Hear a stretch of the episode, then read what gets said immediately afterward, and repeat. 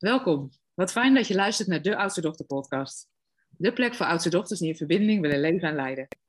Mijn naam is Aike Borghuis en in deze podcast ga ik in gesprek met oudste dochters die de leiding hebben genomen over hun leven en werk.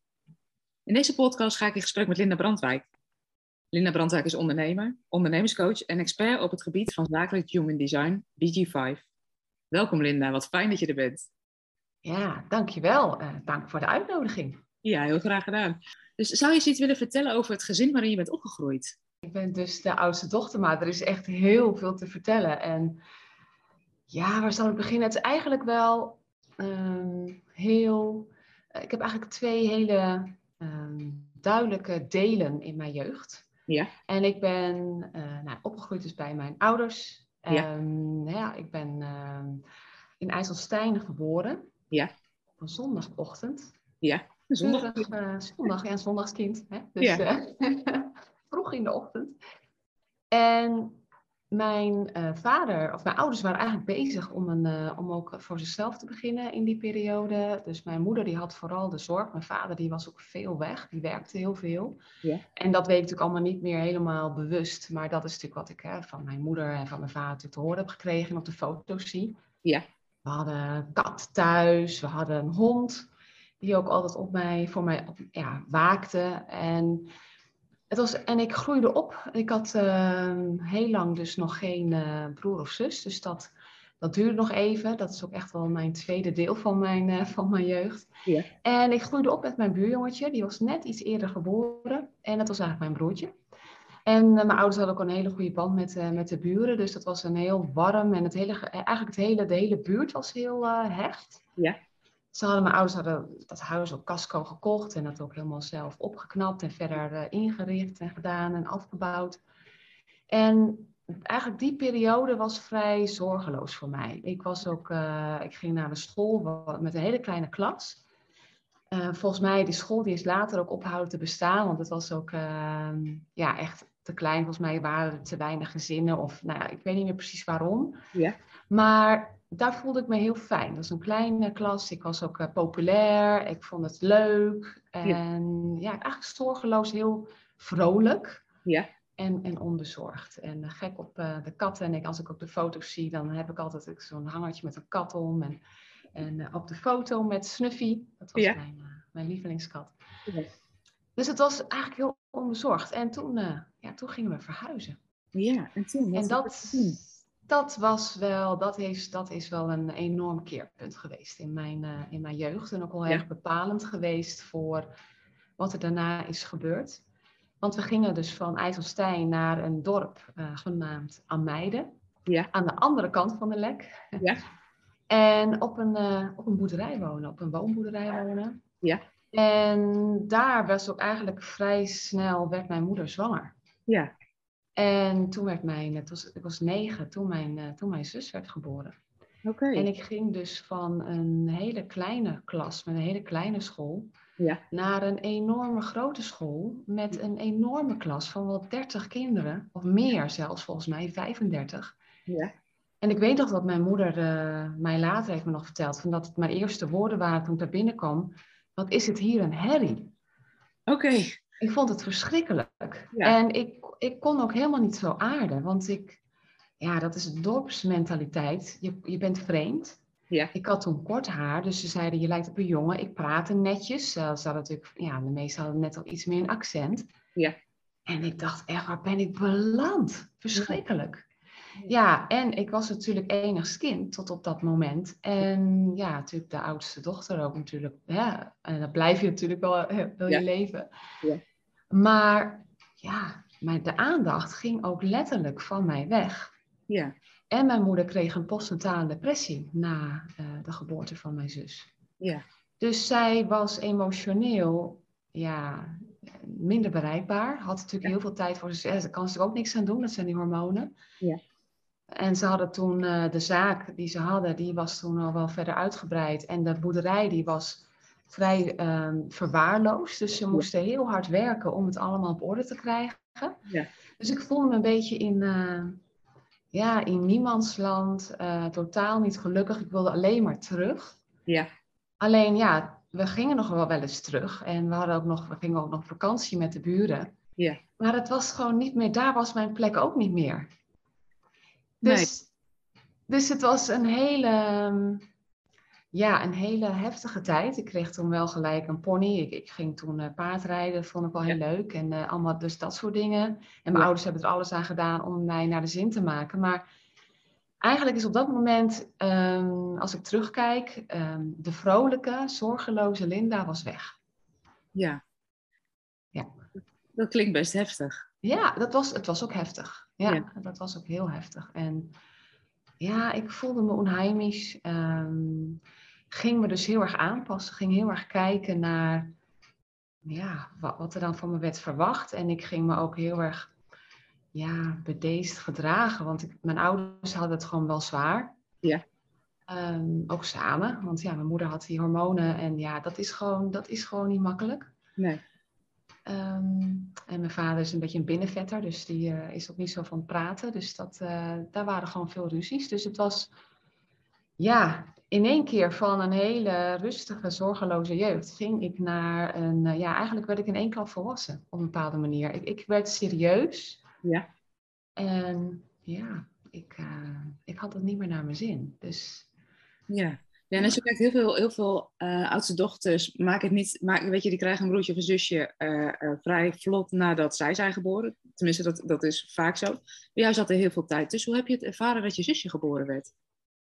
Ja, eh, tweeledig. Aan de ene kant, eh, ik was natuurlijk hartstikke blij. Ik vond het hartstikke leuk. En ik kon ook, omdat ik negen was, natuurlijk ook haar in bad doen, hè, de fles Ja. geven. Heel bewust haar zien opgroeien en met haar spelen. Dat vond ik, vond ik superleuk.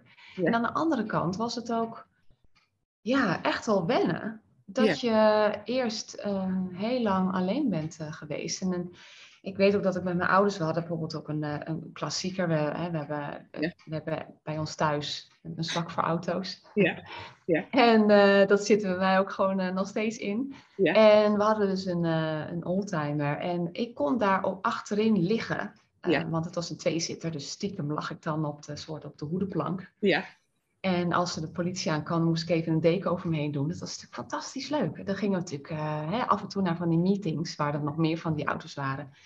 En dat deden we met z'n drieën. ja, En dat kon niet meer toen mijn zusje werd geboren. Dus da- dat soort intieme momenten, dat we ook echt dat met elkaar deelden. Dat, ja, en je bent natuurlijk oud genoeg om daar heel erg bewust van te zijn en daarvan te genieten. Ja, dat ging weg. ja, dus dat miste ik heel erg. ja, dat snap ik. Ik kan me ook voorstellen als je moeder ziek is nadat je zusje geboren wordt. Je zegt, ik ben al groot, dus ik ga wel helpen. Dat hoor ik je ook zeggen, in bad doen. Ja. doen.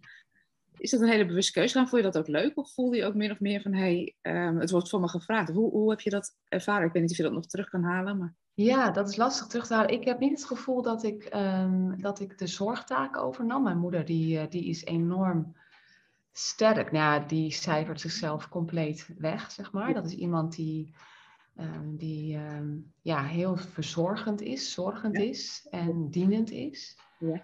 En dat ben ik niet zo. dat, heb ik, Ja. dat heb ik dus niet eh, geërfd. Het zit niet in mijn DNA. Nee. Ehm, en dus ik, ik heb het gevoel dat ik ja, misschien juist wel, nou ja, gewoon heel erg mijn eigen ding deed of zo. Ja. En het wel leuk vond om, eh, want ik zie ook foto's, en ik vond het altijd heel erg leuk om haar in bad te doen. En maakte ik zo'n kuif van haar haar en Ja, zo. Ja, dat vond ik echt leuk. Maar het was niet omdat ik dan dat moest overnemen. Mijn moeder heeft nooit Nee. mij die zorgtaak toebedeeld. Hoe?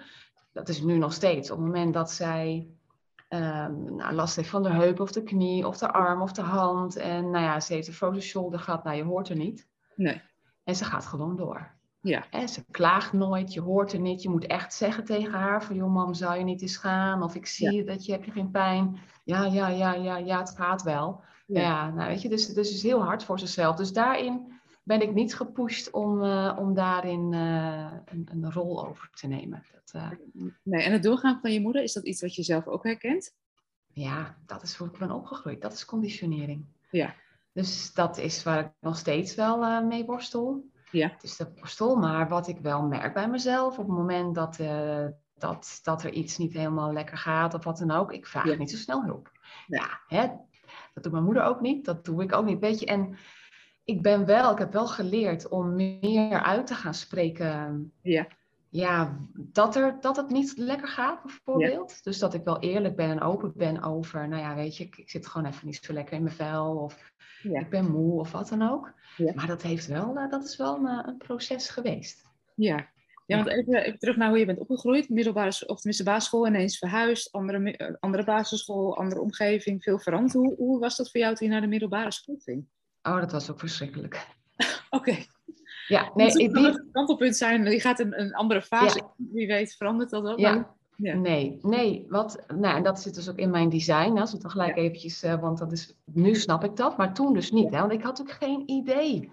En ik ging dus met, uh, ik ging ook naar een andere school, want ik had uiteindelijk op de lagere school wel wat vriendinnetjes. Ja. Dus ik heb, ben daar aardig doorheen gerold en ik had het paardrijden, ik speelde dwarsfluit, dat was nog wel dus ik had wel wat uitlaatkleppen en dingen die dan, uh, hè, al was ik daar wel heel erg streperig in. Dus ik, ik was heel erg bezig om, uh, nou, met paardrijden reed ik wedstrijden in dressuur. Ja. En met dwarsfluiten, nou, uiteindelijk kon ik zelfs naar het conservatorium. Dus ik was, uh, nou ja, behoorlijk ja, ambitieus, streberig in dat ik mijn ouders ook heel erg wilde, ehm, nou ja, gelukkig wilde maken en trots wilde maken.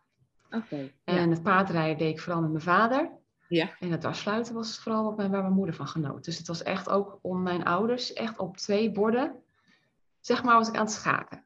Ja. En, uh, want ze hadden ook een paar keer dat ze uit, bijna uit elkaar gingen. Dus dat, was, dat, dat, dat bleef gewoon turbulent, al heel de tijd. Ja. Um, hè, maar ik merkte wel een liefde voor mij, hè, dat, dat wel. Maar uh, het was wel turbulent, het was gewoon niet makkelijk. Nee. En dus toen ging ik uiteindelijk... Um, wilde ik ook naar Utrecht naar school. En dan moest ik met de bus. En de meeste kinderen waar ik dan ook contact mee had gehad, die gingen naar een andere school. Dus die, daar had ik ook het contact minder mee. En ik woonde ook uh, buiten het dorp. Dus ik had ook met spelen, s'avonds. Ja, ik zat uh, aan een doorgaande dijk. Ja. En niet in het dorp. Dus daarin had ik ook wat minder, uh, minder contact. Ja. En de middelbare school, ik was heel jong, want ik, omdat ik opgegroeid was met mijn buurjongen, die, dus, die was in februari geboren. Ja. En toen hadden, hebben mijn ouders, ik was oktober, dat was net de grens dat je wel of niet nog naar de lagere school mocht. Ja. Toen heb ik, uh, hebben ze naar me gekeken, een test gedaan en toen zeiden ze, joh, je mag ook, want dan kan je met je buurjongetje mee. Ja. Dus ik was heel jong, ik was elf volgens mij, toen ik naar Ja. de middelbare school ging. Heel jong, ja, heel bleu. Ja. En toen, uh, toen kwam ik in Utrecht op een, op een hele grote school. Nou ja, echt. En daar heb ik dus de pech gehad dat ik een aantal leraren had. Ja. Die, um, ja, die echt mij beschadigd hebben, laat ik het zo zeggen. Ja. En, um, en nu snap ik, hè, met de kennis over mijn design van nu, snap ik het. Ja. Maar op dat moment dus niet. Want wat er gebeurde is dat ik Um, ik ben dus heel intuïtief en ook heel taalgevoelig. Nou, dat is volgens mij ook iets hè, met de oudste dochters. Ja. Dus had ik Nederlandse les en ik moest ik spelling doen. Dat weet ik nog heel goed. Dat was, was in de brugklas en dan had je ook zo'n nationale spellingstest. Ja. En daar had ik maar één fout. En dat was echt heel bijzonder. Ook voor Ja. op de school, ik had maar één fout. Ja. En toen die leraar, dat was, en nou ja, die, die, die zei van ja, dat kan niet. Ja, ik denk, nou ja, ik heb die test gedaan. Ja. En toen zei hij van, nou ja, ga maar uitleggen dan hè, hoe je dat dan doet. Maar ik kon het niet uitleggen, want ik zag het. Ik zag, als ik een zin zag, dan wist ik of het een D of een T moest zijn. Ja. En hij zei, dat kan niet. En uh, jij moet het kofschip leren. En uh, dus ik, nou ja, ik moest bijles en nablijven. En toen ging hij mij het kofschip leren, want ik moest kunnen uitleggen waarom ik dat zo goed kon. Dit is eigenlijk heel bijzonder. Iets wat je heel goed kon. Ja. Dat was niet goed genoeg en dat moest je anders gaan doen. Ja, ik moest het kunnen. Hij, hij had zoiets van, dat kan niet. Je kan dat niet zien. Ik, moest het, ik kon het niet uitleggen. Hij, dat kan niet. Dat is dan dus een gelukje geweest of zo.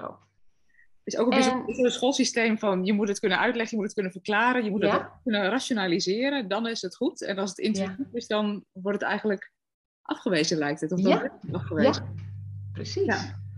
Dus toen ging ik die regels leren. En daarna was ik helemaal in de war. En toen ging het bergafwaarts met mijn cijfers. Want ik ging fouten maken. Ik ging twijfelen. Ja. Eh, ja, is er nou toch een T en nog een D? En toen zei hij, zie je nou wel? Jij kan het helemaal niet zo goed. Dat was één leraar. Dan moet je nagaan, hè? Dus ben je elf en dan, ben je, je- dan kom je op zo'n school en dan word je, word je op die manier dus behandeld. Ja. Maar ik had ook een wiskundeleraar. Ja.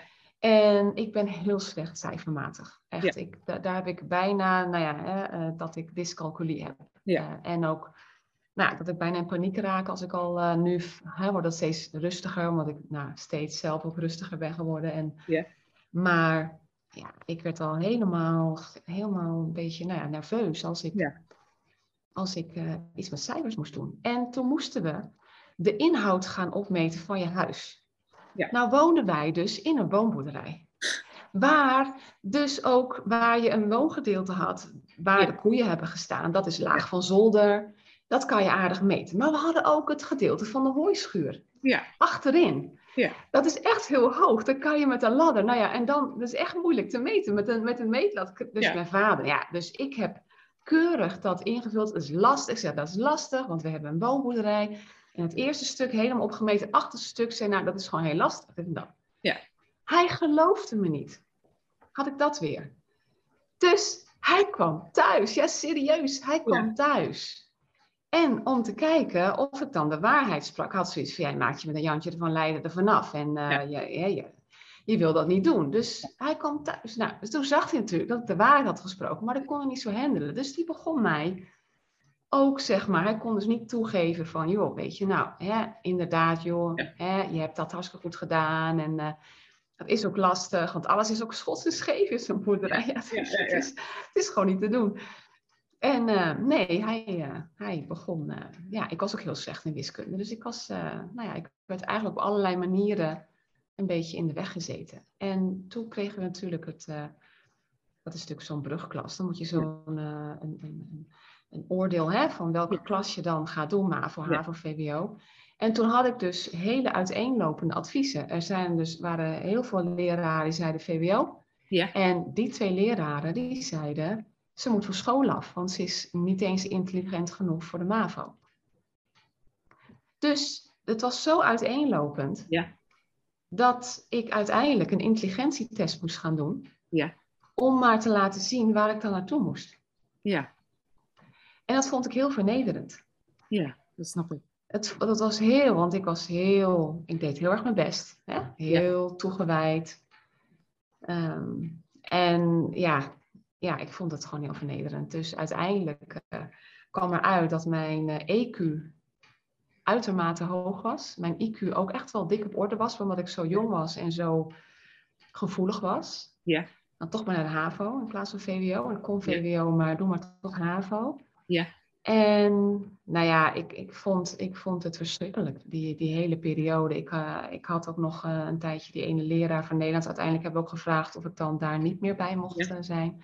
Ja. En ik ontwikkelde faalangst. Ik, had, ik paste nergens echt bij. Dus ik, ik was ehm, soms bij de populaire groep, hè, dat, ik, Ja. ehm, dat ik dan daar mocht bij aansluiten. En dan ook weer bij de niet-populaire groep. En dat was een soort. Maar ja, ik ben heel eigen. Dat is dus wat, wat van nature in mij zit. Ik ben geen meeloper. Ja. Dus ik, ik conformeer me niet. Nee. En hoe jong ik ook was, het veel leiderschap in mij. Ja. Ik conformeer me niet. En daarin, ja, eh, heb ik dus wel tegen de haren ingestreken. Dus van leraren die dan dus ja, de, ja, de controle over je willen. Ja. En ik was, was niet rebels en ik had geen grote mond. Nee. Maar ik conformeerde me niet. Nee. En dus ook niet in de klas. Nee. Ook niet bij, want hè, de- gingen, ze gingen allemaal sigaretten roken. Nou, dat deed ik niet. Ik Nee. vond het vies. Mijn vader rookte. Ik vond het verschrikkelijk. Ik had echt zoiets van, joh, eh, ga Ja. weg met die stinkstok. Ik, eh, ga, ik wilde het ineens vasthouden. Ik had zoiets van, joh, dat ga ik helemaal niet doen. Dat vind ik echt vind ik helemaal niks. En nou ja, dus het was een hele, hele lastige periode. En toen moest ik eindexamen doen. En ik stond er heel Ja. goed voor. Ja. En toen heb ik het helemaal verknald. Ja. En toen heb ik het niet gehaald. Op één tiende. Chips. En toen? Ja, en toen, mijn moeder had heel goed door. Die zei van, joh, jij werkt zo hard.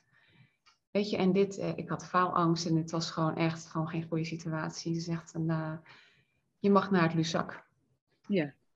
En dan ga je, krijg je een jaar waarin je rustig alle, de, zeg maar, hoef je maar drie of vier vakken. Ik had dan een extra vak gekozen, dus uiteindelijk heb ik dan eindexamen gedaan. Of mijn eindpapiertje heeft dan zeven of acht vakken in plaats van zes die je normaal hebt. In ieder geval, ik weet niet meer precies hoe dat, eh, hoe dat werkt, of vijf of nou. En, ehm, en toen heb ik, eh, en daar had ik wel het gevoel, daar zaten ook wel kinderen op die juist wel rebels waren hè, tegen beetje, ja, weet je, een beetje, een beetje rijke luisschool was het. Hè? maar dat merkte je niet, dat waren juist kinderen die heel erg de onafhankelijkheid wilden. En daar begon ik me weer wat meer thuis te voelen. Dat ik me, daar had ik meteen aansluiting en ook leuke contacten, dat ik dacht, hé, hey, die kinderen zijn eigen, dat zijn ook geen meelopers. Nee, dus dat, ja, het is ook wel bijzonder wat je benoemt over die periode van ehm, heel hard werken, heel hard je best doen op school, uh, om goede cijfers te halen, dan die faalangst die erbij komt, uh, dan, dan zakken voor je examen. Ik weet niet hoe je dat toen gevoeld of ervaren hebt. Oh, verschrikkelijk. Ik, ik schaamde me dood. En ook richting de familie, dat was ook een beetje, dat een beetje werd vergeleken en er werd gezegd, ach Linda, hè, Linda is, daar werd ook een bepaald beeld van mij kwam er naar voren. Dat, dat, dat, dus dat is, en dat is ook wat mijn familie nog steeds wel, hoe ze naar me kijken, is van, ach Linda, hè, ja, die heeft, het, eh, die, die, uh, die heeft het moeilijk of die kan niet zo meekomen. Of daar is een bepaald zwaktebeeld is er ontstaan, zeg maar. Het klinkt een beetje als medelijden in plaats van medeleven. Ja, ja. Dit zo beschrijft. Ja, en ik deed dus heel hard mijn best om, dat, om het tegendeel te bewijzen. Alleen omdat ik zo hard mijn best deed en te hard mijn best deed, faalde ik daarin. Dat lukte dus juist niet. Ging het dus juist wat ik niet wilde, dat gebeurde dus precies wel. Dat is bijzonder, want dit is eigenlijk een heel parallel proces met mijn HAVO-periode, waarin ik ook heel hard heb gewerkt, ontzettende faalangst had en daardoor mijn tentamens verknald heb. Alleen ik heb mijn, eh, daarna, want ik zou dat jaar daarna naar Australië gaan, toen hebben mijn ouders de druk eraf gehaald van of je nou wel of niet slaagt, je gaat hoe dan ook naar Australië, dan pak je daarna uh, de HAVO maar weer op. Um, en dat gaf mij rust, waardoor ik dat eindexamen wel heb gehaald. Maar de, we hebben toen echt school gebeld van, weet je zeker dat jullie me niet zijn vergeten te bellen omdat ik gezakt ben? En toen bleek ik dus geslaagd. Maar het is bijna, je, het heeft echt raakvlakken. Met ja. het niet goed willen doen, de lat zo hoog leggen voor jezelf, perfectionistisch zijn. Um, ja, en, en, en, daardoor juist soms falen of, of het niet laten lukken. En dan dat gevoel van schaamte erbij, het gevoel van falen, van ik kan het niet. Ja. Zekerheid, ja, die hoor ik bij jou ook en die herken ik oh, ja. die periode. Ja, ja. ja, daarna dat Luzak, daar, daar, daar, vond je wel de aansluiting, ben je extra vakken gaan doen. Uh, hoe was dat, dat, jaar? Wat heeft dat opgeleverd? Ja, dat was wel rust. Ja. Ja, toen, uh, dat was wel, een, was wel heel fijn. Um, en dat heeft zich ook wel doorgezet naar, toen ben ik uh, naar het hbo gegaan. Ja. En toen had ik ook nog steeds last van faalangst. Maar dat heb ik in dat eerste jaar, heb ik, heb ik op een bepaalde manier, heb ik mezelf, ehm, ik weet niet meer, dat, dat, dat is heel bepalend geweest. Dat ik ook echt zoiets had van, het dient mij niet ja. om, uh, om te denken dat ik het niet kan. Ja. En ik denk, dit, dit zijn leuke vakken. Ik vond het eerste jaar heel erg leuk van propenduizen. Ja. En uh, dat was eigenlijk mijn leukste jaar, uh, want het was niet helemaal mijn richting. Maar uiteindelijk, want ik wist, ik wist het. Ik heb sociaal-juridische dienstverlening gedaan. Ja. Uh, want ik wist echt niet wat ik wilde worden. En toen had ik allemaal tests gedaan. Er kwam uit iets met mensen. En mijn ouders hadden net een rechtszaak gehad. Ja. En dat, dat, dat juridische stuk vond ik interessant. Dus ik dacht, het sociale stuk met het juridische stuk, die combinatie, hè, nou, dat klinkt, klinkt met mijn hoofd klinkt voor de hand liggend. Ja, ja, ja logische dus. Uh, logische stap. Ja, ik wist het echt niet. Ik had, en ik denk, uh, mooi, dan ben ik van wiskunde af. Ja. En, uh, en dan, dan komt het wel goed. Ja. Dus dat, maar dat was, daar had ik ook gelijk aansluiting. Daar voelde, dat was heel goed dat ik dus op het Luzak had gezeten. Daar was ik dus gewoon meer bevestigd van, oké, weet je, ik ben ook wel toch wel, mensen vinden me toch wel leuk. Ja. En ik vind aansluiting. En, en ik had ook heel fijn contact met de, uh, de broer van mijn vader. Dat is eigenlijk een beetje mijn tweede, mijn, uh, mijn tweede vader. Die, die ook heel warm was in, in mij supporten. Ja. Um, en ook uh, heel erg mij stimuleerde en ook heel erg mij zag voor wie ik, wie ik ben. Mooi. En hij heeft ook altijd de vergelijking gemaakt met, met de rups die een vlinder wordt. Ja. Hij zegt, ik zie dat je aan het ontluiken bent. Hij zegt, ik zie dat je... Dus dat was, dat was echt, uh, ja, dat was heel, heel fijn om dat ook in, die ach, in de achtergrond te hebben. Ja. En toen uh, heb ik eigenlijk, ja, heel, heel, ben ik heel glansrijk mijn propenduizen in één keer gehaald. En ook uh, eigenlijk de hele opleiding in één keer gehaald. En uh, wel weer tegen, dat is, ik blijf dus met leraren, bleef ik ook wel een beetje soms rommelen. Want uh, één leraar, ik had dus een. Uh, uiteindelijk ben ik stage gaan lopen bij een commercieel bedrijf, dus bij een start-uitzendbureau. Ja. Want ik, ik, ik, in, ik was niet zo van dat hele maatschappelijk. Ja, Ja. klinkt een beetje asociaal misschien, maar dat, dat, ik vond dat commercieel leuk. Ja. Leuker, zeg maar. Uh, Ja. Mijn ouders zijn ondernemers, hè, dus dat vond ik dan toch, ja, dat, dat sprak me dan meer aan. En dat vond die stagebegeleider helemaal niks. Die had zoiets van, ja, je gaat toch niet naar een uitzendbureau, maar ik vond dat wel leuk. Ja. En toen heb ik dus mijn, eh, mijn scriptie geschreven over employability. Hè, het vermogen om je hele, om, om zelfredzaam en, en je, Ja. ja. eigenlijk werkzaam te blijven. En daarin je aan te passen dat je dus relevant blijft voor de arbeidsmarkt. En toen heeft hij het me zo moeilijk gemaakt tijdens mijn eh, eindgesprek, dat een andere scriptiebegeleider zei van nou, dit is gewoon niet normaal wat je doet. Ja. En daardoor heb ik juist, en ik kon me daar heel goed in uiten en dat kon ik heel goed pareren, waardoor ik dus een heel hoog cijfer had. En ik dacht zo, nou mooi, dat hebben we in de pocket. Ja, ja, ja. ja. Dus daarin heb ik altijd, eh, maar goed, er wordt dus heel erg op mij geprojecteerd. Dus wat ik in mijn hele leven heb gemerkt, en dat is ook dus wat ik nu weet, Ja. nu ik mijn design ken, en nou, dat herken jij volgens mij ook, hè? er wordt dus heel erg op je geprojecteerd. Dus heel veel mensen die ja, niet zichzelf zijn, Ja. projecteren zichzelf op jou. Ja. Ja, in die zin op mij. Dus ik hoorde, dus, dat heb ik ook met collega's later gehad en ook met familieleden, met allerlei mensen, vriendinnen, dat ze zeiden, joh, je bent dit of dat. Of ik heb zelfs een keer gehad dat iemand zei, je bent autistisch.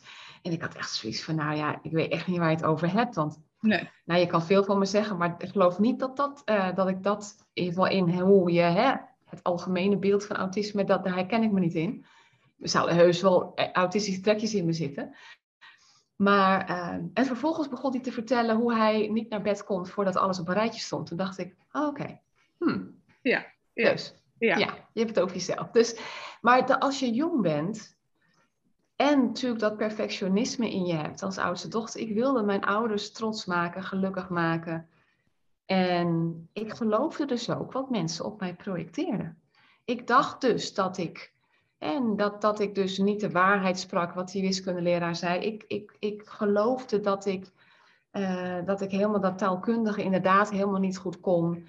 Ehm, dat ik eh, het niet waard was om dingen te, te doen. Of eh, nou ja, weet je, dus Ja, en hoe bepalend dan zo'n uitspraak van de ene iemand kan zijn en hoe je dat eigenlijk zo internaliseert dan. Hè? Zo van, oké, maar dan ben ik zo. En dat je daar dan dus ook naar gaat gedragen. ja, je gaat je letterlijk gedragen naar iets waar, wat, je, ja, wat je dus niet bent. Dat is echt bizar om dat te ervaren. Ja. Ja, En wat je beschrijft over oudste dat, dat zie ik wel veel bij oudste met wie ik werk ook, is dus dat we soms toch ehm, ook wel moeite hebben met autoriteit. Oh, Dus dat ja. we ook wel heel eigen zijn, goed weten wat we willen eh, ehm, eh, en dus ook niet zo te sturen zijn. En dat is soms als je in een klas zit voor een docent wel ingewikkeld of voor een leidinggevende eh, die je aan moet sturen ook niet altijd even, even makkelijk. Nee, ik ben ook ontslagen hoor in mijn leven. Ik, heb, ik heb, ja, nou ja, ik Ja, heb wat dus. gebeurde daar? Nou ja, dat was heel. Ik was uiteindelijk, ik heb dus van alles gedaan. Dus Ja. ik ben eigenlijk eerst via mijn ouders, ehm, die moesten ISO gecertificeerd eh, raken bij, Ja. bij het bureau die dat voor hen verzorgde, ben ik eh, als office manager ben ik daar gaan werken.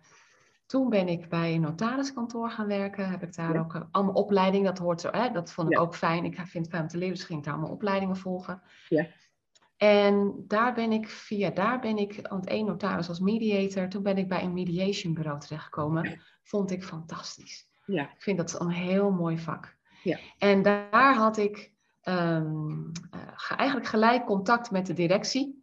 ja, En dat was ook eh, heel fijn. En ik, ha- ik had iemand anders die eh, raakte burn-out. En ik kon haar taken goed overnemen. Ik heb alles opnieuw gestructureerd. Ik ben heel erg gestructureerd planmatig. Ja. Dus ik heb alles weer op de rit gezet. Waardoor ook de opdrachtgevers heel blij waren. Dus de directie was ontzettend blij met mij. Ja. Ik kreeg gelijk een vast contract en meteen eh, salarisverhoging.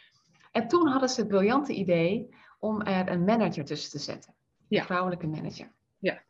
En ja, dat ging eh, ging niet. Nee, en het is, het is zo mooi als je, als je kijkt naar het vak van mediation. Dat zijn vaak mensen die ontzettend goed kunnen bemiddelen, die beide belangen kunnen zien, die kunnen schakelen tussen allebei. Dat als je kijkt naar wat je vertelde over je ouders voor je moeder op dwarsfluitles, voor je vader. eh, ehm, eh, wat, wat deed je dan ook weer? Dat paardrijden? Paardrijden. Ja. paardrijden, eh, de, de, de Ja. affiniteit met auto's. Dus eigenlijk dat, dat ehm, verschillende belangen bij elkaar brengen vanuit je familiesysteem heb je misschien ook wel meegenomen in je werk op dat moment. Oh ja. ja, dat zit er ook in. Dat zit gewoon, ik heb die aanleg om het te zien. Ja, en dat brengt ook heel veel kwaliteiten met zich mee, Ja. hè, dat je het doet. Dus, dus het is ook een, een kwaliteit. En soms is het van, ben je helemaal vrij om je eigen keuzes te maken daardoor. Ja, nee, nee, dus dat, dat, dat heb ik niet gedaan. Nee, Nee, dat is heel duidelijk, nee. nee. Maar even Nee. terug naar die leidinggeving. Je kreeg een Nou. vraag de manager. Ja, ja, en die ging natuurlijk, die, ja, achteraf kan ik natuurlijk zien dat ze, ze had niks te managen. Ja. En ik had. En ik had zoiets van, joh, wat- ja, ik had letterlijk, dat zie je dan natuurlijk gewoon, ik ben een open boek, hè, mijn gezicht is heel open. Dus als, als, ik, eh, als ik het niet mee eens ben, dan zie je dat. En je non-verbale communicatie is helder. Mijn non-verbale communicatie is heel helder, kan ik je zeggen. Ja, ja, ja. Dan word ik soms wel, ik kan, ik kan echt niet liegen, ik kan niet. Nee. Dus, nou, dat, ik weet niet eens meer wat er allemaal gebeurde. Ik weet nog heel goed nog wel, één keer, want ik, word dat, ik werd wel steeds rebelser, zeg maar. Ik, ik werd wel steeds meer eigen hè, in de loop van, ik was natuurlijk al inmiddels wat ouder. En, ehm, en ja, ja, goed, er waren alweer ook wel wat andere dingen wel ook thuis gebeurd, maar in ieder geval, ehm, zij zat op een gegeven moment in een vergadering, zat ze ook allemaal dingen te doen. En als iemand geen sterke leidinggevende is, neem ik het over. Want Ja. ja, dan, dan neem ik iemand ja, toch niet helemaal serieus. En er zit dus heel veel leiderschap in mij. Dus, ik, nou. Ja. Dus ze zat op een gegeven moment met haar pen zat ze te klikken in een vergadering. En ik ging dat dus nadoen. Ja, het is echt, het is eigenlijk gewoon echt heel erg. Ja. Maar het, het, weet je, de spanning liep gewoon continu op. Want ehm, ze wilde dat ik bepaalde dingen op een, op een manier deed ja, die ik niet fijn vond. En ook, ik had dus heel veel vrijheid, heel veel ruimte gekregen, ook van de directie. En dat werd nu in één keer beknopt, want zij ging zich in één keer bemoeien. En ze ging ook hè, strijken met de eer. En toen weet ik nog, toen moest ik eh, geopereerd worden aan, eh, aan een tumor in mijn speekselklier. Ja. En dat was dus, ze hadden een punctie genomen en ze wisten niet of het goedaardig of, of kwaadaardig was. Dus toen heb ik keurig hen geïnformeerd van, joh, weet je, ik, ehm, de, de arts die maakt zich zorgen. De Ja. punctie is mislukt. Dus de arts plant zelfs een operatie in. Het kan dus zijn dat ik over een aantal dagen in één keer word opgeroepen om geopereerd te worden. Ja. En ehm, nou ja, toen eh, werd ik dus inderdaad opgeroepen. En ik had eh, inmiddels ook iemand eh, die mij ook wat ondersteunde in, in het werk. Dus ik had haar ge- gebriefd. Ja. En toen ben ik dus het ziekenhuis ingegaan. Ja. En toen ik thuis kwam, lag er een, een envelop op de deurmat. Niet van beterschap, maar we willen, nou, we hebben een dispuut en we willen van je af. Nou, echt, ik wist niet wat ik hoorde. Maar goed, later heb ik dus van een collega, want toen ben ik ook hè, dat hele proces ingegaan, eh, dat we uit elkaar zijn gegaan. Uh, Dat is ook bijstand ingeschakeld. Een mediation bedrijf die Ja. niet in gesprek gaat, maar eigenlijk meteen overgaat Juist. slag. Precies. Ze, hebben, ze zijn niet, ik zei, ik wil in gesprek. Ik Ja. wil begrijpen wat er aan de hand is. Maar ik werd beschuldigd dat ik dan dus het bedrijf in de steek had gelaten. Dat ik dus eh, zomaar in één keer eh, weg was. Om, op, ik dacht echt van jongens, wat is dit? Ja. En er waren nog wat dingen. Ik kan het niet eens meer niet meer eens herinneren, want het, het is gewoon echt uit mijn systeem. En een collega zei later van ja, ze voelde zich bedreigd door jou. Dus Ja. je moest eruit. Jij moest weg. Ja. Nou ja, dus dat, dat soort dingen heb ik eh, ja, wel meegemaakt. Ja. Dus toen zat je, was je geopereerd. Was de Ja. operatie goed aardig? Ja, het was goed aardig. Ja, Ja. ja. ja. En ge- goed, ook geslaagd, want ik had dus een aangezichtsverlamming kunnen krijgen. Want ze opereren bij zenuwen. Eh, als ze dat raken, dan eh, gaat je ooglid en je mondhoek gaat hangen. Oh, dat is ook wel spannend. Het was heel spannend, ja. En we waren net, ik was net gaan samenwonen met mijn, eh, met mijn man. Ja. Eh, we waren toen nog niet getrouwd. En dus we hadden net ons huis. Ik moest geopereerd worden. En toen eh, verloor ik mijn baan. Ja, dus dat zijn veel dingen die dan... En dan, wat, wat doet dan een oudste dochter? Die gaat, ehm, ja, die voelt zich heel verantwoordelijk en schuldig. Ja, verantwoordelijk en schuldig. En toen- ja? En toen ben ik, ehm, even denken, even denken, hoe kwam ik nou via, ik was via via, heb ik ja, een baan geregeld. Ja. Want ik dacht, ja, dit, kan, dit gaat me niet gebeuren. Ja. Dus ik ben, eh, ben het gaan regelen. Ik Ja. ga het nou regelen. Ja. Eh, want ja, ik ga niet bij de pakken neerzitten. Nee. Dat is ook mijn, mijn opvoeding niet, want je gaat gewoon door. Dus ik ben, ehm, ja, ik, ik heb gezorgd dat ik een, een nieuwe baan kreeg. Ja. En ik weet, ik weet even het linkje niet meer hoe ik daar nou kwam. Ja, jawel. Um, de, ik had een mediation opleiding ook gedaan. Ja. En daar had ik iemand leren kennen. En zij werkte in Utrecht uh, bij dienstlandelijk gebied. Ja. En toen, um, oh ja, toen, toen benaderde ze mij. Want uh, de, de mediators, want ik, ik had ook heel veel contact met de mediators. En ik onderhield het netwerk. Ja. En ik zette dus ook mediations uit in het netwerk. Hè, als mensen dus, als een arbeidsconflict was dan. En die mensen waren heel erg verontwaardigd dat ik dus op, dat ik op straat was gezet. Dus er waren ook, zijn ook mensen weggegaan of die hebben daar ook echt praat over gemaakt. Ja. En, en zij was dus ook, zij wilde iets van mij weten. Ze vroeg, hoe gaat het? Werk je nog uh, hè? leuk en dit en dat? Ik zei, nou, ik werk daar niet meer. Hoezo niet? Ja, ik zeg, ontslagen. Jij? Ontslagen? Oh, zegt ze, bij mij is er een nieuwe afdeling is er opgezet en daar zoeken ze nog iemand. Nou ja, ik heb gewoon gezorgd, ik heb geluld als brugman, dat ik daar dus aan de slag kom. En toen had ik weer, uh, had ik weer werk. Ja, mooi. En wat heb Ja. je toen de tijd gedaan?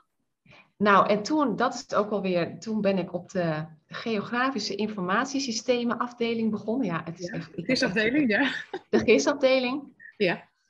En daar heb ik dus, eh, nou, deed ik ondersteunende dingen. En ik had een heel leuk contact met die projectleider en eh, degene die me aanstuurde.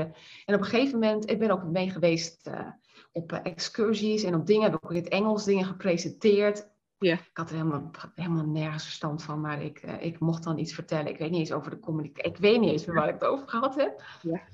En toen kwam ik in aanraking met de afdeling communicatie van het dienstlandelijk gebied. En daar voelde ik van, oh, maar daar ligt wel echt eh, iets wat ik, wat ik heel leuk vind. Want ik vind het leuk om dingen te organiseren, te plannen, hè, dat structuren aanbrengen. En toen ben ik, heb ik daar ook gezorgd dat ik daar mijn plek eh, eh, kon innemen. En toen ben ik veel dingen gaan, eh, nou, letterlijk gaan organiseren. En ben ik ook gaan studeren. En toen heb ik dus bij Van der Hilst heb ik, de, heb ik twee opleidingen gedaan. Ook de seniorenopleiding. Dus Ja. dat is een hele pittige opleiding. Dus ik heb eh, B en C eh, niveau. Daar ben En- ik ook van. Van communicatie. Het is een communicatieopleiding. Dus dan echt communicatieadviseur. Dus dan eh, was ik zeg maar de, de, de adviseur en de senior adviseur. Ja. En daar heb ik ook, ehm, nou dat was ook wel, eh, was wel oké. En het, eh, ja, het was natuurlijk wel als ambtenaar. Ja. En eh, het was wel, wel heel leuke collega's. Ik heb echt wel een hele leuke tijd gehad. Ook een heel mooi eh, evenement voor alle medewerkers mogen organiseren. Met in, eh, voor 1400 man. Vond ik echt fantastisch. En eh, ja, dat, dat was echt wel een, eh, een hoogtepunt.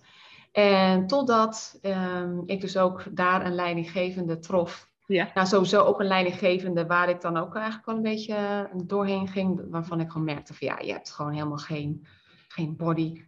Een Ja. andere leidinggevende die interim was, die zag mijn potentie. Die had zoiets van eh, Linda, go for it, zeg maar. Dus dat was wel, maar dat was dan weer tegen de haren in van weer andere collega's. Nou goed, maar ik heb nooit met collega's, ik heb, het, ik heb altijd, altijd mijn draai kunnen vinden en altijd was het helemaal oké.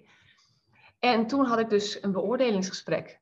Ja. En toen zeiden ze, ja, je scoort fantastisch, je doet het heel goed, maar we kunnen je geen senior maken. Maar ik had wel senior projecten. Dus ja, ook geen salaris erbij. En eh, nou ja, we gaan je dus dan maar net wat lager scoren, anders is het een beetje raar. Nou, ik was zo boos. Ik had zoiets van, pardon. Ja. Ik moet wel de projecten blijven doen, maar ik krijg dus niet. Hè, ik was nog steeds ambitieus en bezig hè, om trots en hè, Ja. de ladder te beklimmen.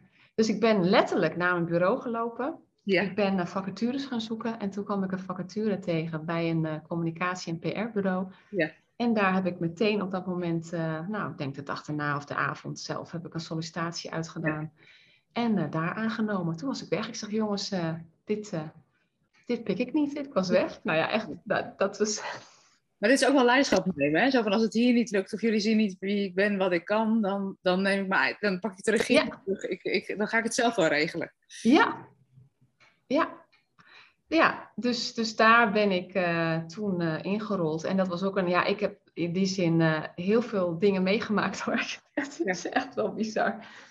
En toen kwam ik daar dus te werken en, ehm, en daar kreeg ik heel veel kansen, heel veel dingen, bij heel veel mooie opdrachtgevers gewerkt. Eh, maar ook wel een beetje ehm, eh, met een andere collega, niet echt een samenwerking. Dus ik, ik was natuurlijk heel onervaren. Ik was begin dertig en heel onervaren. Maar toen werd de toenmalige eigenaar, die bleek ziek te zijn. Ja. En er moest een opvolger voor worden gevonden. En toen is er iemand aangetrokken om te kijken van, hé, hey, wie zou dat kunnen zijn? Ja. En toen kwam ik naar voren. Ja. Ehm, leiding, hè, leiderschap. Ehm, en een andere collega die ouder was en daar al langer werkte, die dus niet. Ja. Dus daar, ja, dat is natuurlijk eigenlijk gedoemd om te mislukken. En, eh, dus uiteindelijk ben ik directeur geworden. En Ja. ik zou het bedrijf ook overnemen. En Ja. ik was natuurlijk helemaal, weet je, op dat moment was ik natuurlijk helemaal, hè, als je terugkijkt naar mijn jeugd, helemaal gelukkig en trots van, hè, ik, ik heb iets bereikt. Ik ben iemand. Hè. Ik, heb, ik ben directeur en ik heb een mooie dikke Audi onder mijn kont. En we hadden intussen hadden, waren wij weer verhuisd, mijn man en ik. En we gingen ook trouwen. En, eh, en, en ja, alles was eigenlijk, ik had hele dure kleding. Ik had natuurlijk een mega salaris. Ja, ik Ja. had het gemaakt, hè? begin 30. Jemig, jongens, nou, hoe, hoe. Ja. Nou ja, de werkelijkheid was gewoon dat ik s ochtends om zes uur opstond en s'avonds om één uur de laptop dichtklapte om alles maar te kunnen bolwerken, omdat die eigenaar ook ziek was. Ja. En ik, het allemaal, ik kon het helemaal niet handelen. En die, ik met die andere collega, ja, dat was niet echt een samenwerking dat je nou echt van, eh, van support werd of wat dan Ja. ook. Dus en ik dacht, ik moet dit volhouden, hè? ik moet laten zien dit of dat. En toen kreeg ik dus ook de kans om het over te nemen. En toen bleek er dus, eh, een, bleek er dus een addertje onder het gras te zijn. Ja. Dat, ehm, dat als ik had getekend bij de Kamer van Koophandel als directeur, eh, dat ik dus ook de schulden die er dus blijken, ja, bleken te zijn, Ja. eh, persoonlijk, want het was geen aansprakelijkheidsverzekering voor mij als directeur, Ja. dat ik ook één op één de schulden had overgenomen van een paar ton. Ja. Het is goed dat je daar nog even goed naar hebt gekeken voordat je hebt getekend. Nou, dat was dankzij de persoon die dat begeleidde. Ja. En toen heb ik dus een gesprek gevraagd. En daarin eh, nou, is die man letterlijk boven me uit gaan torenen. En gaan zeggen van, wie denk jij wel niet wie je bent, dat jij nu dit zo doet. Ja. En toen, dat was het moment dat er voor het eerst een vlammetje ging ontbranden. Dat ik voelde van, wacht even. Maar dit laat ik me niet zeggen. Nee. Het was eigenlijk al die tijd, was het al wel een beetje. Hè, ik heb natuurlijk ook wel de regie gepakt over, nou ja, ik ga dan naar een andere werkgever. Maar dat was een moment dat ik iets voelde wat niet meer te doven was. Van wacht even, maar dit, Ja. dit laat ik niet over mijn kant gaan. Ja. En, maar goed, uiteindelijk eh, ja, ben ik, eh, heb ik, ja, is dat natuurlijk helemaal misgegaan. Eh, ik, ik heb me ziek moeten melden, want ik werd, ja, ik werd verguisd. Ja. En het ging helemaal mis. En eh, ik ben ook letterlijk bij allemaal opdrachtgevers ook in een, in een slecht eh, daglicht gesteld. Ja. Nou moet ik ook zeggen dat bepaalde opdrachten ook gewoon echt niet goed gingen. Omdat ik ook gewoon niet de juiste begeleiding had. En ook overmoedig was, hè, begin 30, hè, de dertiger. Ja. Dus het was ook echt een hele harde leerstom, moet ik zeggen. Ja. Hè, aan de ene kant heel mooi, met hele mooie dingen die ik heb daar gedaan. Maar aan de andere kant ook echt hele grote fouten gemaakt. Dus het was ook wel heel heftig en heel, ja, vond ik, ja, echt... ehm, dat heeft ook wel echt iets gedaan met mijn eigen waarde. Ja. was, dat was eigenlijk nog meer eh, naar beneden. Ja, en toen zat ik dus thuis. Want ik was directeur af en ik moest natuurlijk, ja, ik wilde van het arbeidscontract af. Dus dat is natuurlijk allemaal ontbonden. En zonder dat ik eigenlijk de tijd heb genomen om eens even bij te komen, was ik meteen weer in de actiemodus. En heb ik meteen weer, ben ik gaan kijken naar, naar vacatures. En meteen weer gaan solliciteren. En ik dacht, ik moet weer terug naar zo'n functie. Dat is wel bijzonder, want dit is, dit is eigenlijk, weet je, we, veel oudste dochters, en dat herken ik zelf ook, eh, totdat ik zelf vastliep. We, we halen heel vaak onze erkenning en onze waardering uit wat we doen of, of Ja. wat we laten zien in die buitenwereld. Dus we denken als we succesvol zijn in het bedrijf en eh, leiderschapsfuncties innemen, dan, dan zijn we succesvol en zijn we geslaagd. Maar dat komt van buiten, dus dat vult niet van binnen. Nee, Dus- totaal niet. Dus de vraag is ook in die periode, was je op dat moment in contact of in verbinding met jezelf? Of, Absoluut niet. nee. Nee, ik was echt een, een ja, ik denk een, ja, ik, als ik terugkijk, ik denk een heel, ja, onaangenaam mens in die zin. ehm, een beetje leeg. Ja. Ehm, heel erg bezig met de buitenkant, letterlijk, hè, met dure kleding, met huis, Dure auto. dure auto. Ik zie het ook Ja. aan, de, aan de inrichting, waar de kleuren die ik zo mooi vond, grijs. Ja. Een, een lichte bank met grijs ehm, en zwart. Ja. Eh, en dan accentkleuren. Maar, eh, maar ja, echt, echt niet warm. Niet, niet. En ik denk ook voor vriendinnen en voor mensen om me heen niet en natuurlijk uh, zat er altijd wel een, uh, de Linda in die, die, die er altijd was geweest. Dus uh, ook echt wel dat ik in staat was om warme contacten met mensen te hebben. Ja. Maar wel vanuit de buitenkant, het, het plaatje. Ja, dus dan krijg je echt hoofd-hoofdcontact in plaats van... Hoofd-hoofdcontact. Hart-hart, ja. Ja, absoluut niet. En niet in contact met mijn emoties, met mijn gevoelens. Die mochten er niet zijn. Nee. Nee, absoluut niet. Dus, uh, nee, en dat nee. is niet zo raar, hè? want dat hebben we ook eigenlijk nooit heel erg geleerd. Niet in onze opvoeding, niet op school. Er is altijd gevraagd, weet je, wat, wat kun je, wat, wat doe je? Maar nooit van, hoe voel je je of wat vertelt je lichaam je? Nee, Dus niks. daar zijn we vaak helemaal niet mee in verbinding of in contact. En dat, vaak hebben we eerst dat moment van vastlopen nodig om het anders te gaan doen. Want ik kan me voorstellen dat dit ook zo'n keerpunt was in je leven. Ja, nou, het was nog, dat, was, uh, dat was de eerste. Oké, oh ja, dat, Toen, je, uh, ja. je, je patroon moest nog wat langer door. Ja, Ja, ik ben behoorlijk uh, eigenwijs en ik heb heel veel uh, vechtlust in mij. Dat zit Ja. ook in mijn design. Dus Ja. toen, dacht, toen ik het hoorde, toen dacht ik, oh, ja, nu snap ik het wel. Ja. Maar toen dus helemaal niet. Dus ik ging weer vechten. Dus toen kwam ik bij een, uh, een, een, een recruitmentbureau voor communicatieprofessionals uit. Nou, echt, dat is mijn ergste ervaring ooit. Ja. Echt, echt mijn ergste ervaring ooit. Dat, dat kan ik niet eens uh, in woorden vatten. Dat, is echt, uh, dat, dat was echt heel ernstig. Werd ik ook totaal niet gezien voor wat ik kon. Um, werden andere mensen ingehuurd om bepaalde communicatieprojecten te leiden. Terwijl ik notabene ja, die achtergrond had. Ja. En meer dan dat. Dus het was ook echt een ondermijning van mijn, mijn gevoel van waarde. Dus, Ja. En ik vond het echt niet leuk om met mensen te bemiddelen. Ik was er ook eigenlijk helemaal niet zo goed in. Maar goed, gelukkig duurde die marteling niet zo lang. Want toen uh, werd ik, uh, ik was bij een project geweest op Texel. Ja. En ik had gecarpoold vanuit Amsterdam en ik was op weg naar huis. En ik had net te horen gekregen dat mijn oom was overleden. Niet die oom waar ik het over had, maar een, uh, van een, een, een Ja. tante van mij. En mijn moeder was een beetje overstuur. Dus ik zei, nou weet je wat, ik kom naar huis. En dan, uh, dan kook ik voor je. Dan kom je maar lekker naar mij toe. Dat was in het ziekenhuis. Ja. En toen uh, stond ik voor een stoplicht. En toen werd ik uh, van achteren aangereden. Ja, dus je, je werd letterlijk stilgezet. Ik werd letterlijk stilgezet. Ja, en niet te zuinig ook. Want het, ja, ik heb nog steeds chronische nekpijn. Ik heb daar dus een chronische klacht aan overgehouden. Ja. Want ik had mijn auto op de handrem staan. Ik stond net op een verhoging, zeg maar. Ja. Bij stoplicht. Dus ik had hem lekker in zijn vrij gezet op de handrem. Lekker relaxed. Want het duurde altijd heel lang in Amsterdam voordat het op groen gaat. Dus ik denk, denk nou, relaxed. En, uh, en de dame die achterop reed had haast. Die was te laat voor haar werk. En die is met een gangetje van 60 achterop geklapt. En uh, ja. ik heb de, mijn nek heeft de klap opgevangen. Ja. Dus dat was, uh, was heel heftig. Um, dus ik kon, uh, ik kon mijn hoofd niet meer dragen. Ja. Dus ik kon alleen maar liggen.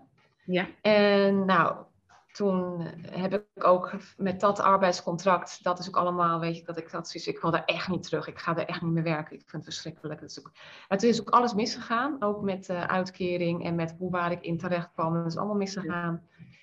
En toen uh, was ik nog steeds niet klaar. Want ik dacht, nou, als ik dan dit allemaal niet meer kan, dan kan ik misschien voor mezelf gaan beginnen. Ja. Dus toen heb ik daarin ook met allerlei mensen echt verschrikt. Als ik terugkijk, denk ik, oh kind, wat heb je jezelf aangedaan? Maar ik was gewoon niet te stoppen. Nee. Ik dacht, ik moet, ik moet weer. Want ik, ik heb ook heel erg in mijn design dat ik heel graag een bijdrage wil leveren. Ja. Letterlijk wil werken. Dat zit er heel sterk in. En, en dat deed ik niet. Dus ik, faal, ik had ook het gevoel dat ik naar mijn man faalde. Van weet je, ja, wij hebben dan, we zijn verplichtingen aangegaan samen. En ik kan ze niet waarmaken. Ik kan mijn deel niet leveren. Dus ik voelde me ontzettend schuldig. Dus ik was alleen maar bezig om dat in te lossen, die schuld. Ja. Dus linksom, rechtsom, via onderlangs, bovenlangs, kwijtschelen. Ik heb alles geprobeerd om daarin ook weer iets op te zetten. Alleen elke reactie die ik kreeg van mensen was... Je hebt een mooi verhaal. Maar waarmee kan ik jou helpen? Want zij voelden echt wel aan ja. dat het niet klopte. Ik was bijna, ja, um, desperate, hè? Ja, dit, ja, en dit is ook wel bijzonder, want dit gaat ook eigenlijk over uh, niet jezelf goed genoeg vinden, maar eigenlijk ook uh, pas goed genoeg zijn als je uh, financieel onafhankelijk bent, als je werkt, als je van betekenis bent.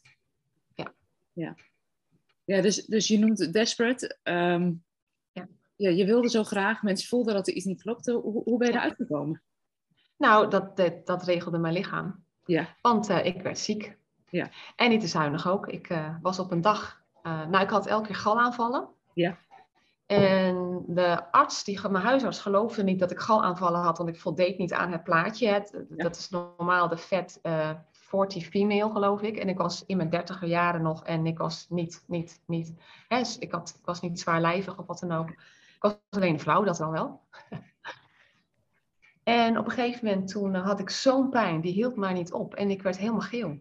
Ja. Echt, echt geel. En toen ben ik uh, s'avonds naar de spoedeisende hulp. Uh, ik wacht, had gewacht tot mijn man thuis kwam. Die heeft me naar de spoedeisende hulp gebracht. En daar uh, constateerden ze een acute alvleesklierontsteking. En ik moest per direct blijven. En Ja. ik moest dus aan, de, aan het vocht. Ik mocht niet, niet meer eten. Ja. En eh, toen ehm, heb ik drie weken uiteindelijk in het ziekenhuis gelegen. En moest mijn galblaas eruit. En ik ben nog één keer naar huis gegaan, want ik moest aansterken. Ja. Ik had heel veel gewicht verloren, want ik, ik mocht dus niks eten. Ja. En alleen maar vocht. En ik ben dus ehm, van nature al eh, ja, slank en val makkelijk af. Dus ik, was, ik had zwaar ondergewicht. Dus ik heb uiteindelijk zondevoeding gekregen. Ja. En om te zien of ik aan, genoeg aan kon sterken om eh, de operatie te kunnen ondergaan. En Ja. uiteindelijk heb ik, eh, nou ja, toen, was het, nou, toen hebben ze gezegd van het moet gewoon, want je moet gaan eten. Ja. Het gaat gewoon niet goed, dus dan hebben ze me toch geopereerd. Ja. En, eh, maar ja, eigenlijk was die, waren die drie weken, heb ik me eindelijk overgegeven aan het leven. En ik heb echt gezegd, hardop, ik weet het niet meer. Ook gewoon naar mijn familie, naar, naar, naar mijn man ook, van ik weet het niet meer. Ik stop hiermee. Ik, het- ik, Ja. ik weet het gewoon even helemaal niet meer. En ik had geen plan meer, ik had geen vechtlust meer. En letterlijk doordat ik zoveel gewicht was verloren en ook gewoon heel veel pijn had gehad. Ik zat ook onder de morfine, want ik moest gewoon, eh, het moest gewoon allemaal onderdrukt worden. Het was gewoon echt eh, niet te houden. Ja. Ehm, ja, had ik gewoon letterlijk de energie niet meer. Het was gewoon klaar. Ja. Dus ik heb me overgegeven aan het leven. En toen zat ik dus thuis daarna, hè, want toen mocht ik uiteindelijk na drie weken naar huis. En toen heb ik echt de, de bodem van de put gezien. Want toen Ja. realiseerde ik mij, want ja, mijn man moest natuurlijk gewoon gaan werken. Ja. Vriendinnen werkten. Mijn ouders hadden natuurlijk gewoon hun leven. Konden ook niet heel de tijd bij me zijn. Ik durfde door de week niet naar buiten. Want ik dacht, ja, dan zien ze dat ik thuis ben. Ik schaamde me dood. En toen heb ik echt gevoeld van, ik wil niet meer leven. Ja. Toen heb ik echt eh, de bodem van de put gezien. En echt, eh, echt gevoeld van, oké, eh, als het zo gaat, dan hoeft het niet meer. Ik, ik kan niks. Ik had in de tussentijd... het was wel bijna een dramatisch verhaal als je het hoort. Maar wat ik ook, ik had heel erg ook het gevoel van ik wil toch moeder worden. Ik was ehm, al die tijd veel te ambitieus en daar helemaal niet mee bezig. Maar ik voelde in één keer heel sterk van ik wil toch moeder worden. En dat lukte niet. Dus ik heb uiteindelijk ook, waren we drie jaar zijn we bezig geweest om eh, zwanger te raken. Het lukte niet. Ja. Dus dat was eigenlijk ook in die periode dat dat dus ook allemaal naar voren kwam. En dat ik gewoon merkte, ik ben dus geen knip voor de neus waard in werk. ik kan geen baan houden. Ik hop van het een naar het andere. Eh, heb je eindelijk iets bereikt, dan lukt het ook niet. Ehm, dus ik, ik, kan geen, ik, ik kan geen inkomen, niet een inkomen voorzien. En ik kan ook nog niet eens moeder worden. Nou, wat, wat ben je dan voor een waardeloze vrouw? Mhm. En ik ben ook niet gezellig. Ik ben niet meer leuk. Ik voel me niet aantrekkelijk. Dus eh, ik denk dat iedereen beter af is zonder mij. Ja. En wat gebeurde er toen? En toen was er toch een innerlijke stem die zei van no way, Ja. gaan we niet doen. Ehm, en wat er tegelijkertijd gebeurde is dat er mensen op mijn pad kwamen en dingen op mijn pad kwamen die heel bijzonder waren. Ik had bijvoorbeeld via een vriendin kon ik meedoen aan een paardencoaching, een sessie.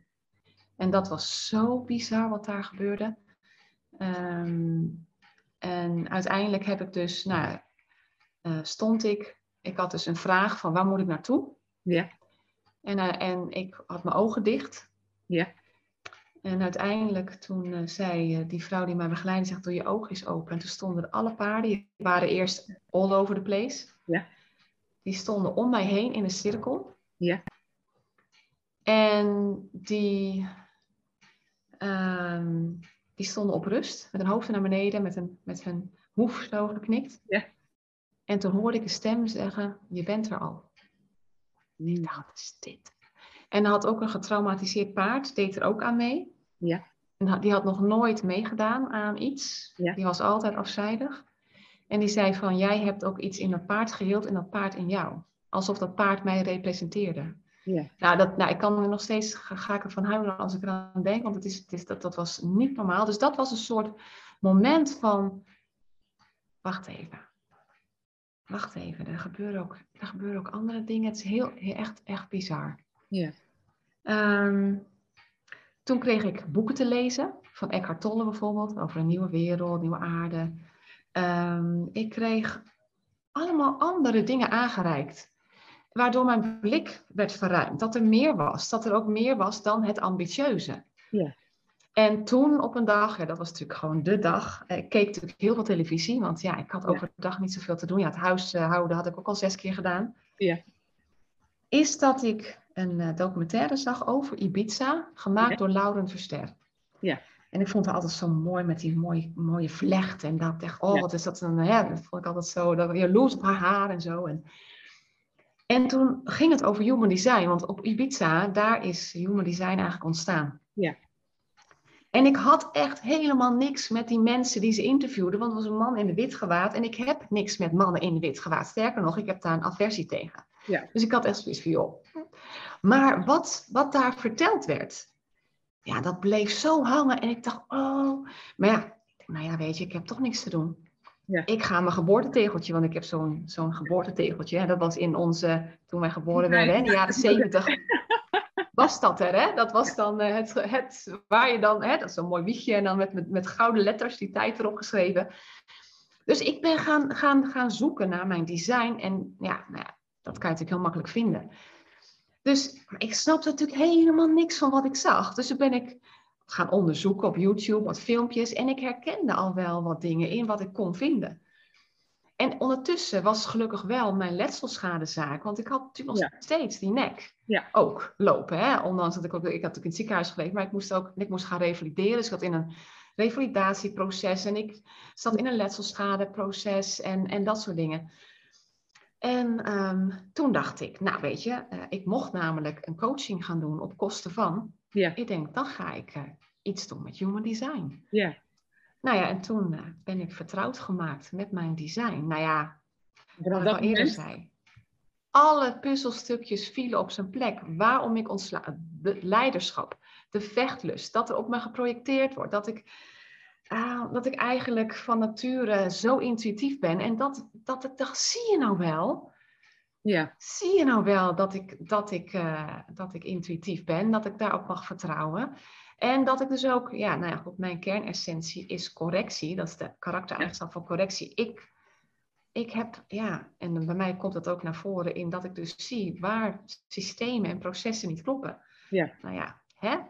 dat kan ik feilloos aanwijzen. En dat ik dus ook autoriteiten uitdaag. Ja, Ik dus conformeer eigenlijk niet. er vielen voor jou heel veel puzzelstukjes op zijn plek toen je in aanraking kwam met het human design. Je bent je er helemaal in gaan verdiepen, maar dat Ja. niet alleen. Wat ben je vervolgens gaan doen met al die kennis over human design?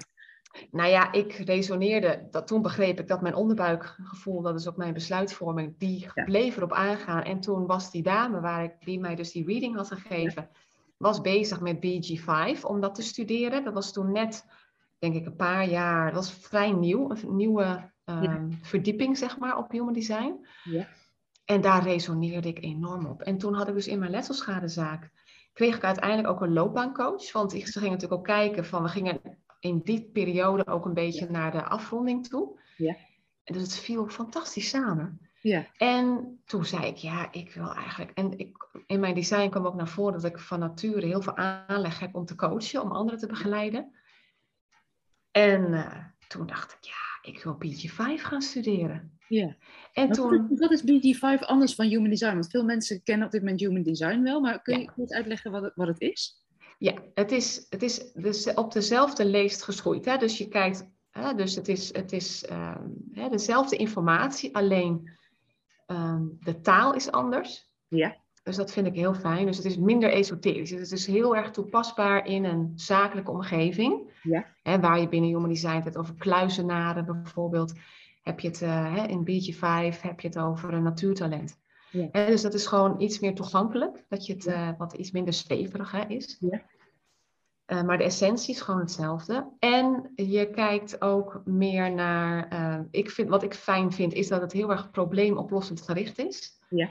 Waar Human Design de nadruk legt op het deconditioneren en het uh, je niet zelf, zeg maar, dat je ja. daar uitkomt. Ja. Um, is bij BG5 wat je heel erg leert, is oké, okay, er is nu een probleem in het hier en nu.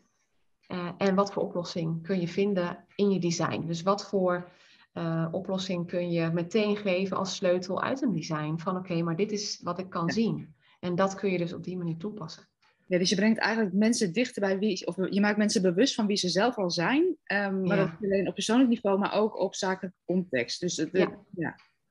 Ja, dus je kunt ook kijken naar, naar, uh, naar loopbaan. He, je leert ook heel erg uh, te kijken naar wat gebeurt er met jou in een zakelijke omgeving, dus in een groep ja. dynamiek. Dus ik weet bijvoorbeeld nu ook, en dat is natuurlijk nou ja, dat snap ik nu ook heel goed. In IJsselstein zat ik in een hele kleine klas. En daarna heb ik alleen maar in grote klassen en groepen gezeten. En ik ben er niet voor gemaakt om in een grote groep te functioneren. Dan, dan verdwijn ik. Ik voel Ja. me niet senang. Ja, dan Dat dat- kun je kun daar, ja, dan kun je daar andere keuzes in maken. Juist. Dus ik had nooit moeten gaan werken bij zo'n grote organisatie. Maar dat had je niet kunnen, dat had je niet kunnen weten als je, daar ben je gewoon niet bewust van. Nee, daar ben je niet bewust van. Je denkt dat als dat niet lekker loopt, dat het aan jou ligt. Ja, en inmiddels ben je ook zo eh, verdiept in, in, eh, in BG5 dat je daar echt ook de expert bent in Nederland. Je hebt je eigen, je eigen bedrijf. Vertel eens wat je doet met Ja. je eigen onderneming. Ja, nou ja, ik heb dus toen alle certificeringen achter elkaar gehaald. Ja. En, eh, en toen ook al vrij snel gevraagd om les te geven. Dus ik geef ook les. En waar mijn hart met name ligt, is in het stukje om op dat je eigenlijk dat ik eigenlijk, en dat is ook wat ik doe in mijn eh, dagelijkse praktijk, is dat ik ondernemers begeleid in een moeiteloze, authentieke manier van ondernemen. Ja. Want we werken allemaal zo hard, hè? en we zoeken het vaak zo buiten onszelf. Ja, nou goed, hè, dat is natuurlijk mijn verhaal.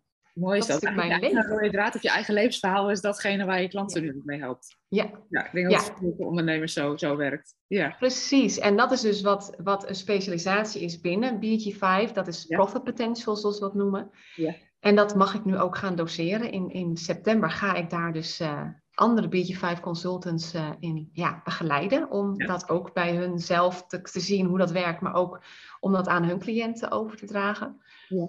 En dat vind ik zo gaaf, want dat is precies waar we het nu over hebben gehad. De hero's journey, dus je levensreis. Dus eigenlijk alles wat open is in je design, wat open is voor conditionering. Dat is ook waar je je wijsheid kunt vinden in het leven, maar ook wat je dus letterlijk te bieden hebt en uit te dragen hebt naar jouw cliënten. Dus waar je ook je geld mee kunt verdienen, om het maar even heel plat te zeggen. Ja. En dat vind ik zo, zo ontzettend gaaf, want ik kan dus letterlijk, en dat is dus wat ik doe, hè, geef mij een design. Ik ben ook intuïtief gaan werken, waar ik voorheen heel veel dingen uitwerkte. Zoom ik nu intuïtief in op degene ja, die tegenover me zit Ja. en op een design. Dus ik ga gewoon praten en ik ga dingen haal ik eruit die op dat moment naar voren mogen komen. Ja.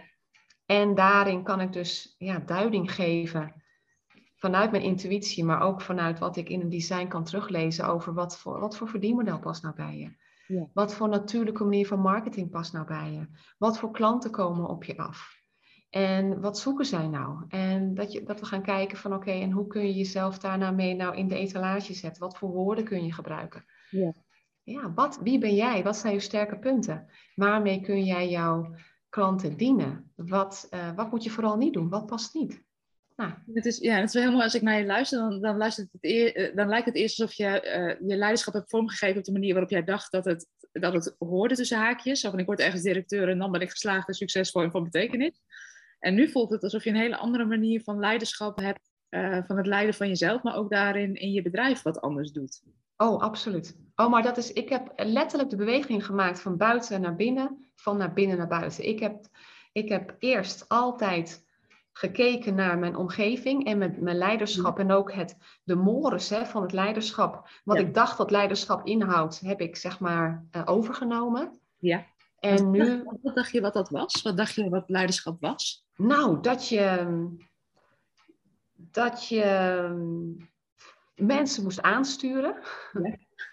Dus je moest in letterlijk leiding geven. Hè? Dus uh, ik was dan, uh, dat dacht vooral als je een team aanstuurt. Hè? En, oh, nou, ja. Of de CEO zijn. Hè? Dus dan, dan ben je de, de sleutelfiguur. Hè? Dat, dat was leiderschap voor mij.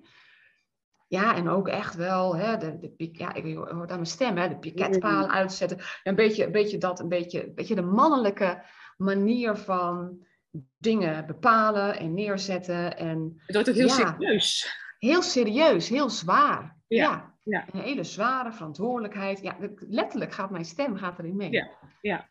Nou ja, dat is gewoon bullshit, hè? Ja. Laten we eerlijk zijn. Ja, en hoe zie jij leiderschap nu? Authentiek. Vanuit authenticiteit. Ja. Vanuit het zijn van jezelf. Ja. Is er natuurlijk leiderschap. Dat is leiderschap. Ja. Je hoeft daar niks voor te doen. Door te zijn en door, want ja, weet je, ik heb dan ook letterlijk leiderschap in mijn design. Hè? Ik heb uh, gekozen leiderschap, democratisch leiderschap. Mensen volgen mij automatisch. Ja. Maar waar ik voorheen daar dus heel erg op dat probeerde af te dwingen, ja. laat ik het nu ontstaan. Ja, dus gewoon door te zijn. En wat levert dat op? Heel veel rust. Heel veel rust. Ja. En heel veel flow. En heel veel plezier. Weet je, ja. Ik word daar gewoon heel blij van. Want ik, ik vertrouw erop dat de mensen die mij nodig hebben, mijn energie nodig hebben, mijn talenten nodig hebben, dat die naar me toe komen. In plaats van dat ik het ging afdwingen, laat ik het nu ontstaan. Ik laat het gebeuren. En dan word ik automatisch dus gevolgd. Ja. En sta ik naast iemand ja, mooi. Het is heel, als je het hebt over het oude leiderschap, lijkt het bijna alsof je boven iemand staat en dit is naast elkaar. Ja. Eigenlijk elkaar, ja, je, je eigen potentieel ontdekken en dat stimuleren en dat de wereld inbrengen. Ja, precies. En ook dus heel erg senang zijn met wat er niet is. Wat er niet in mijn design en wat er niet bij mij aanwezig is. Dat, dat daar helemaal oké mee zijn en omarmen wat er wel is, maar daar ook voor gaan staan ook durven, want dat is ook een, een, een proces geweest, wat ik net ook al een beetje aanstipte. Dat ik eerst alles he, vanuit verantwoording en dat ik het allemaal goed moet doen, perfectionistisch, alles uitwerken, tot in de puntjes voorbereiden. Ja. Totdat ik merkte dat mijn intuïtie daar dus eh, dwars doorheen ging. En ik dus niet de stappen kon volgen die ik dan uitgewerkt had. Ik dacht van, nou vertel ik dit al, terwijl ik nog maar bij, ik moet, dat moet ik eigenlijk pas in stap 5 vertellen. Ja, ja. En op een gegeven moment toen zeiden ook letterlijk cliënten van, joh maar Lin, jouw intuïtie is leidend. Dat is letterlijk wat, wat ons het meeste helpt. En BG5 is het instrument waardoor je er woorden aan kunt geven. Toen dacht ik, oh, je hebt helemaal gelijk. Dus toen heb ik het ook meteen losgelaten en ben ik op mijn intuïtie gaan vertrouwen.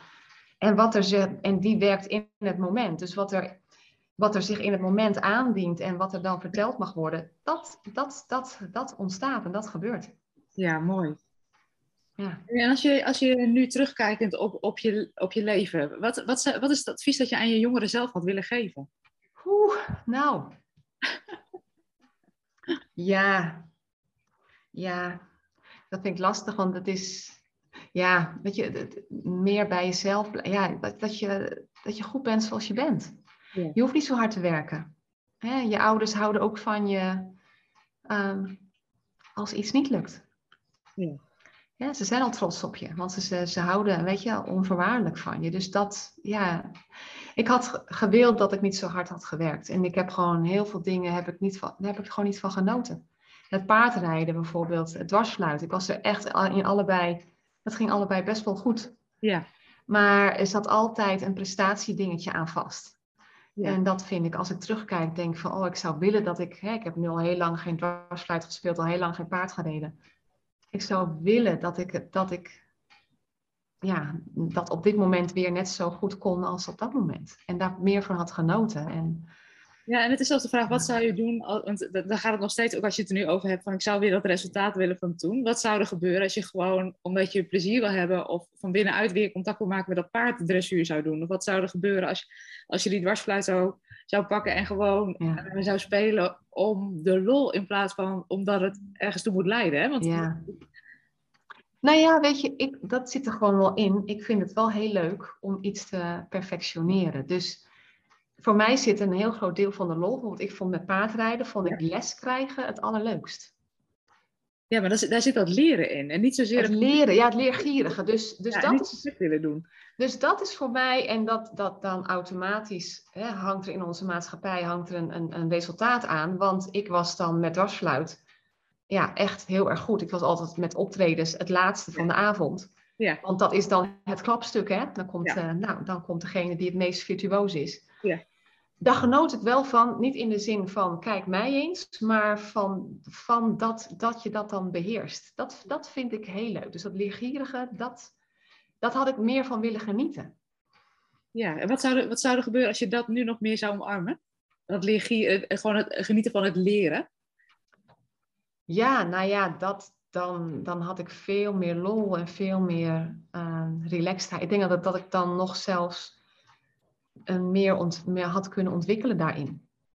Want wat mij remde, was het resultaat wat ik dacht dat ik moest halen. Ja, en hoe is dat nu? Kun je nu genieten van het leren en het ontwikkelen? Of zit dat resultaat er nog steeds heel Nou, het resultaat, eh, um, dat op mijn zwakke momenten zit dat er nog in. Ja, dus op het Ja. moment dat je onder druk komt te staan, dan komen die oude Ja. patronen weer naar boven. En ik denk Abs- dat ja. het voor iedereen herkenbaar is. Ja. Oh ja, ja, absoluut. Ik ben echt geen heilige. En ook, ook al ken ik mijn design en ook, al werk ik eh, hiermee. Nou, ehm, geloof me, Je bent gewoon mens. valkuilen. Ik ben gewoon mens. Ja, ja dat, dat is nog steeds. eh, ja. Ja, ja, ja, ja. Ja, ja, en wat ik wel heel, ehm, wat ik heel bijzonder vind, is dat letterlijk mijn lichaam dus ook een verandering heeft ondergaan eh, in, de, in de vorm van mijn haar. Ja. Dat ik dus sinds ik ehm, eh, Human Design op biertje 5 studeer, dat ik krullen heb gekregen. Ja. En dat ik ook heel erg weer voel dat meisje wat ik was, hè, tot mijn negende, Ja. dat, dat dat er weer is. Oh, wauw. Dus de, de, het, ik ben best wel dat ik eh, hou van humor en, Ja. en ik ben gek op, eh, op kinderen. En ook, ik, ik bedoel, ik, ik, als ik met mijn nichtje, die zegt niet van eh, kom je op me oppassen, maar kom je met me spelen. Heerlijk. Hè, ik, ben, ik loop met zwaarden rond te slingeren en met ehm, eh, op hele kleine fietsjes te fietsen. En ik, ik zit op kleine stoeltjes met Duplo en, en Lego en, en, en ik zit te kleien en te kleuren en wat dan ook. Ik ben een speelmaatje. En dat, ehm, dat stukje, dat is er weer.